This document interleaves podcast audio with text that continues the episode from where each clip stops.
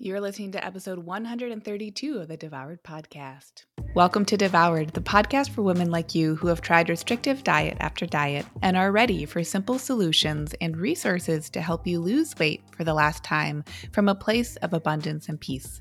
If you're looking to end the yo yo of comfort eating and rigid weight loss protocols and instead step into living your life on your terms while losing weight in the process, you're in the right place.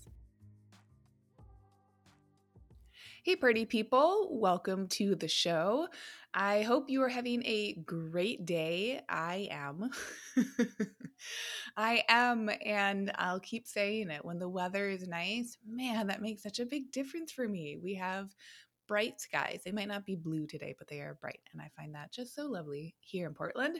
So I hope you all had a great weekend. And my quickie reminder please go ahead, take a minute, and leave a review of the Devoured podcast in Apple Podcasts, if you will, in that app it used to be called the iTunes app, and then they switched the name in the last year or so. It would make a humongous difference. And I would love to read what you've shared about the podcast. So I want to give you all a little shout out, and I'll do that right now. So I want to read the review that Cassie left. Shout out to Cassie. Cassie writes Devoured is a weekly must listen. Lucia digs into topics that are imperative for folks to understand in a society where diet culture is ubiquitous. I look forward to each episode where Lucia unpacks so many of the thoughts, feelings, and actions I personally struggle with around my body and my worth. I've learned so much and I can't wait for the book. If you're feeling stuck in your weight loss journey and you're sick of dieting, this podcast is it, friends. Thank you so much, Cassie. I really appreciate you just taking the time to write such kind words. Y'all, it's like I just had this feeling that and okay, we all had a feeling initially about 2021 or 2020. So I'm saying this with a grain of salt, but I have a feeling that 2021 is going to be just such a wonderful year just for this show and for these subjects around moving beyond these all or nothing ways of thinking and coming into a place where we create our own capacity whether we're creating capacity for certain conversations or if we're creating capacity away from certain conversations. It's this beautiful work of boundaries. And so just know whenever I'm sitting down to this podcast, I get so revved up to be able to share with each and every one of you. So please go ahead, leave a review or share the show with a friend. We're coming to the tail end of January, so this cycle happens every year where a lot of people get really excited for new year, new me.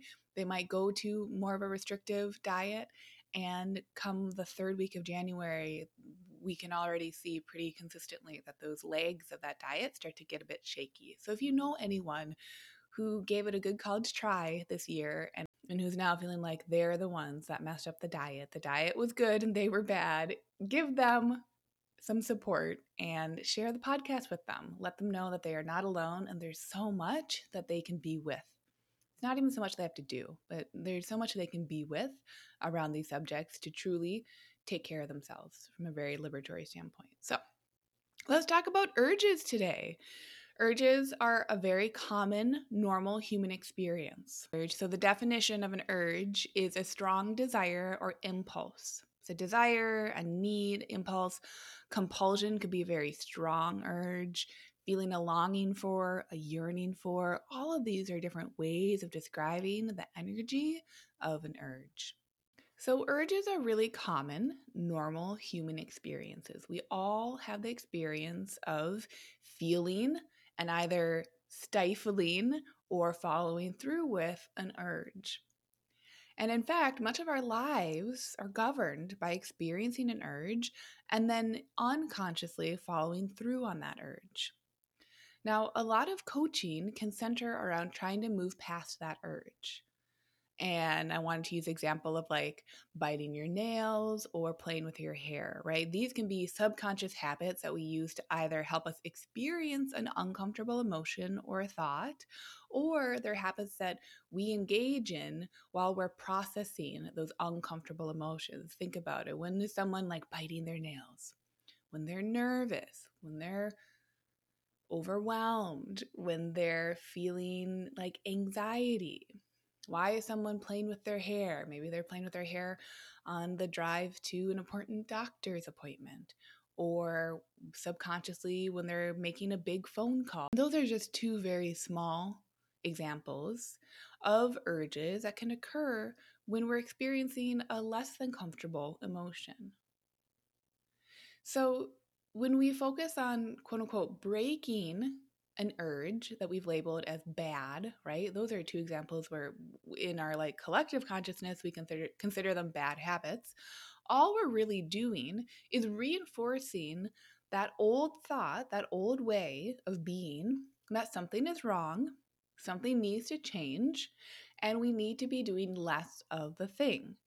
Now, I find this fascinating because that mode of thinking right there is intrinsically setting ourselves up for focusing on lack instead of abundance, focusing on being anti instead of focusing on anything but, and thinking about the thing more. So I want you all to be hearing this today because it's so easy to slide into. I still do this too. I talk about these subjects, but like it's because your girl processes them and metabolizes them too if you're thinking about now i'm uh, not a, a, nail biter but i historically have been like a cuticle picker it's just it is you know long standing habit there. If you really think about every single time and if i really think about every single time i historically would try to end that habit i would try to focus on ending the habit by focusing on it. Oh i shouldn't pick my cuticles or you know like play with my fingers I shouldn't be doing that. Oh, I see that I'm doing that right now. Oh, like, let me stop.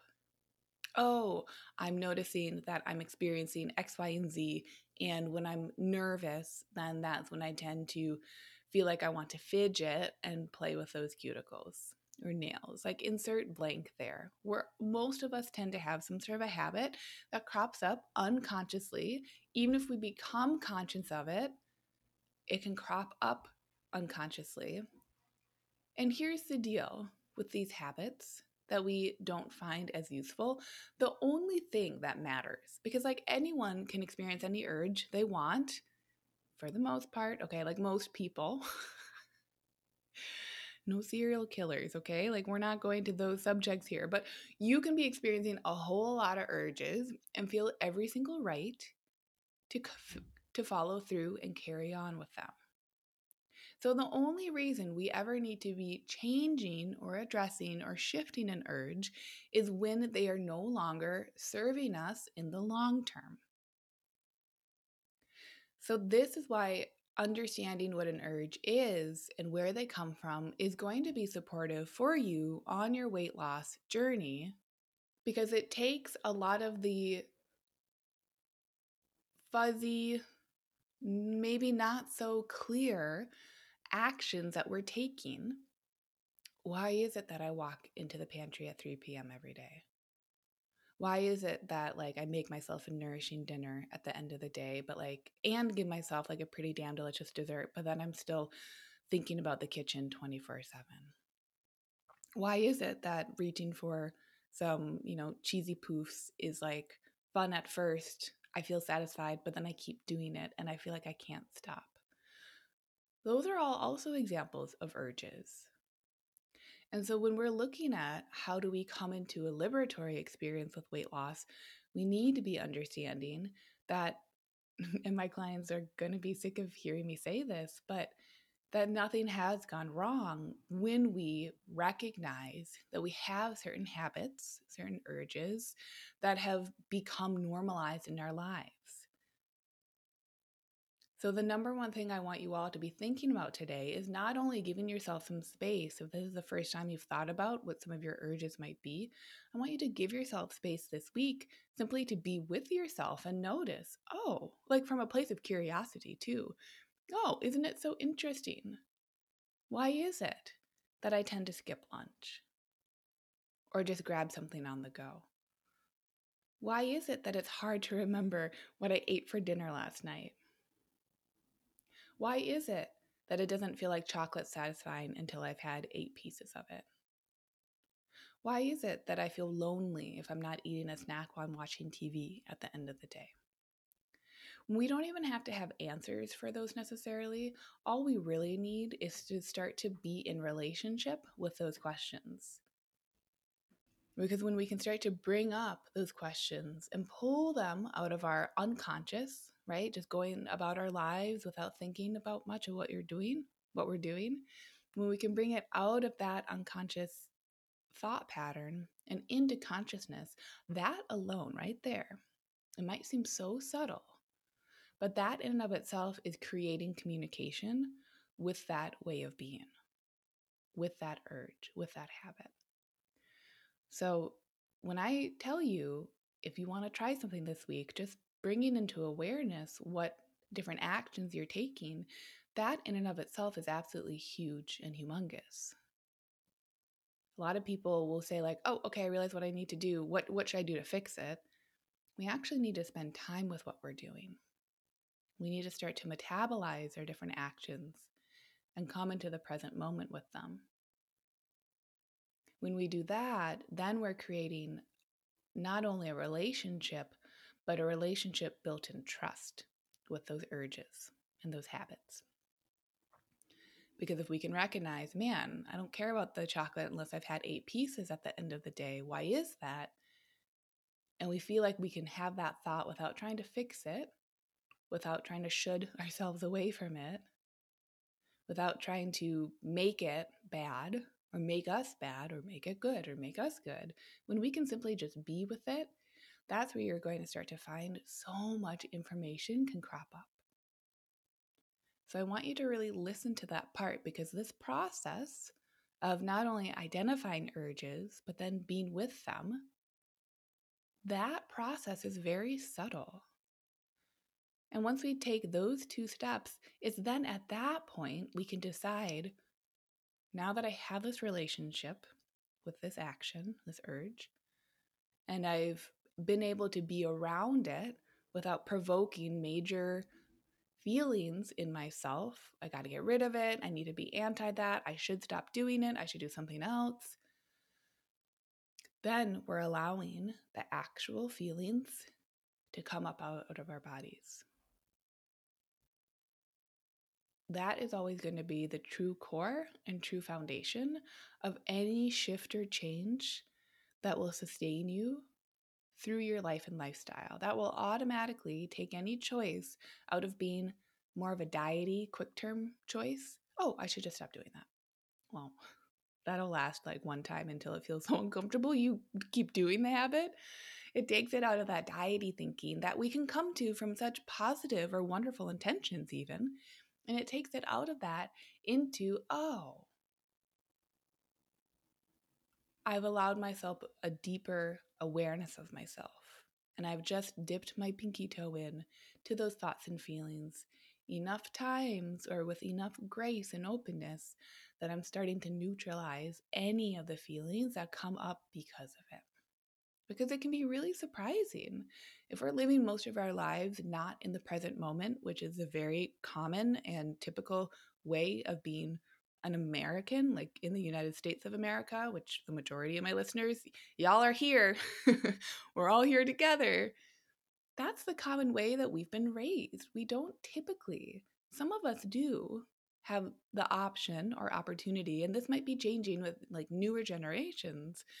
But I think the generations that are tending to listen to this podcast, we weren't necessarily raised with self awareness techniques that we could use from a loving place or mindfulness techniques. Techniques that help bring us into safely, like that feel safe from a neurological standpoint, that bring us into safety in the present moment. A lot of our days, a lot of mass marketing, a lot of what is marketed to us as an ideal life or lifestyle is really supportive of things that are beyond us. It's either we look a certain way, we're acting in a certain way, or we have certain things, or we're around certain people. None of that really focuses in on how do I feel in this present moment. If we can drop into that space, not even from a place of trying to fix or save an urge, but instead from a place of just being, of creating the capacity to drop into the present moment, I think what a lot of you will find is that these subjects weight loss, food choices, exercise, movement, sleep, self care they actually start to become simple. And no one can claim that simplicity except you for yourself. So I want you to give that all. So I want all of you to give that a try this week. What happens when you drop into the present moment, not from a place of fixing or shooting or getting through or powering through, but even if it's the teeniest, tiniest pinky toe into the pool of the present moment, when we're feeling or noticing an urge that is coming up that we might be enacting or desiring to shift away from? Can we create this week the capacity to be with that urge without expectation, without judgment, and see what arises from there? That can be one of the most powerful practices that you'll have in your life. And we can do it around food and nutrition and where we practice one thing, we're going to build competence in that practice. And then it can apply to any other part of our life if we would so like it to. So I hope you all have a great week. And by the way, tune into the next episode, episode 133, with my client Carlin. She's sharing her weight loss success story after she has gone through and has taken to heart all the tools and tricks that she's learned in Lean and Liberated. So I hope you all have a great week, and I'll see you in the next episode. Did you know you can find more support from me on my website? Go to Lucia Hawley, L U C I A H A W L E Y dot com to connect.